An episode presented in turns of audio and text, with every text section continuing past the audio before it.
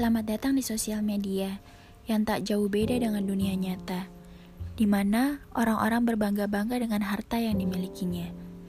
Namun, saat ditanya, mereka selalu punya jawaban yang indah didengar. Dan di situlah aku bertanya-tanya, mengapa kesuksesan harus dihubungkan dengan kekayaan? Oke, kita sama-sama tak bisa menyangkal kalau uang itu penting. Tetapi, maksudku mengapa harus menyejajarkan kesuksesan dengan kekayaan? Mengapa kekayaan yang harus jadi tujuan dari kesuksesan? Bukankah itu semacam perangkap?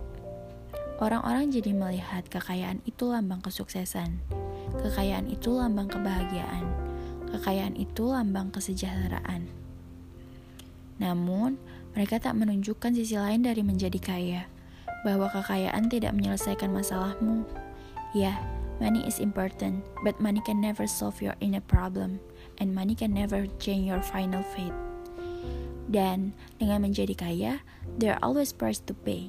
Oke, kamu tak punya masalah finansial, maka kamu diuji dengan masalah lain yang uang tak pernah mampu menyelesaikannya. Sungguh, hidup tak menjadi bahagia selamanya, hanya dengan nominal miliar di akun bankmu. Aku tidak bilang jangan jadi kaya, bukan begitu, tapi tak perlulah memamerkan harta orang-orang jadi salah mengartikan makna kesuksesan. Dan aku belajar dalam hidup ini, kekayaan itu masalah relatif, sebab tak pernah ada uang yang cukup di dunia ini.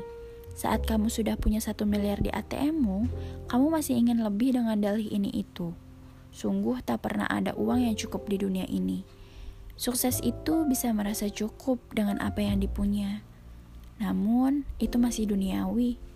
Sukses itu bisa masuk surga, Sebab itu satu-satunya jenis kesuksesan setelah kita mati.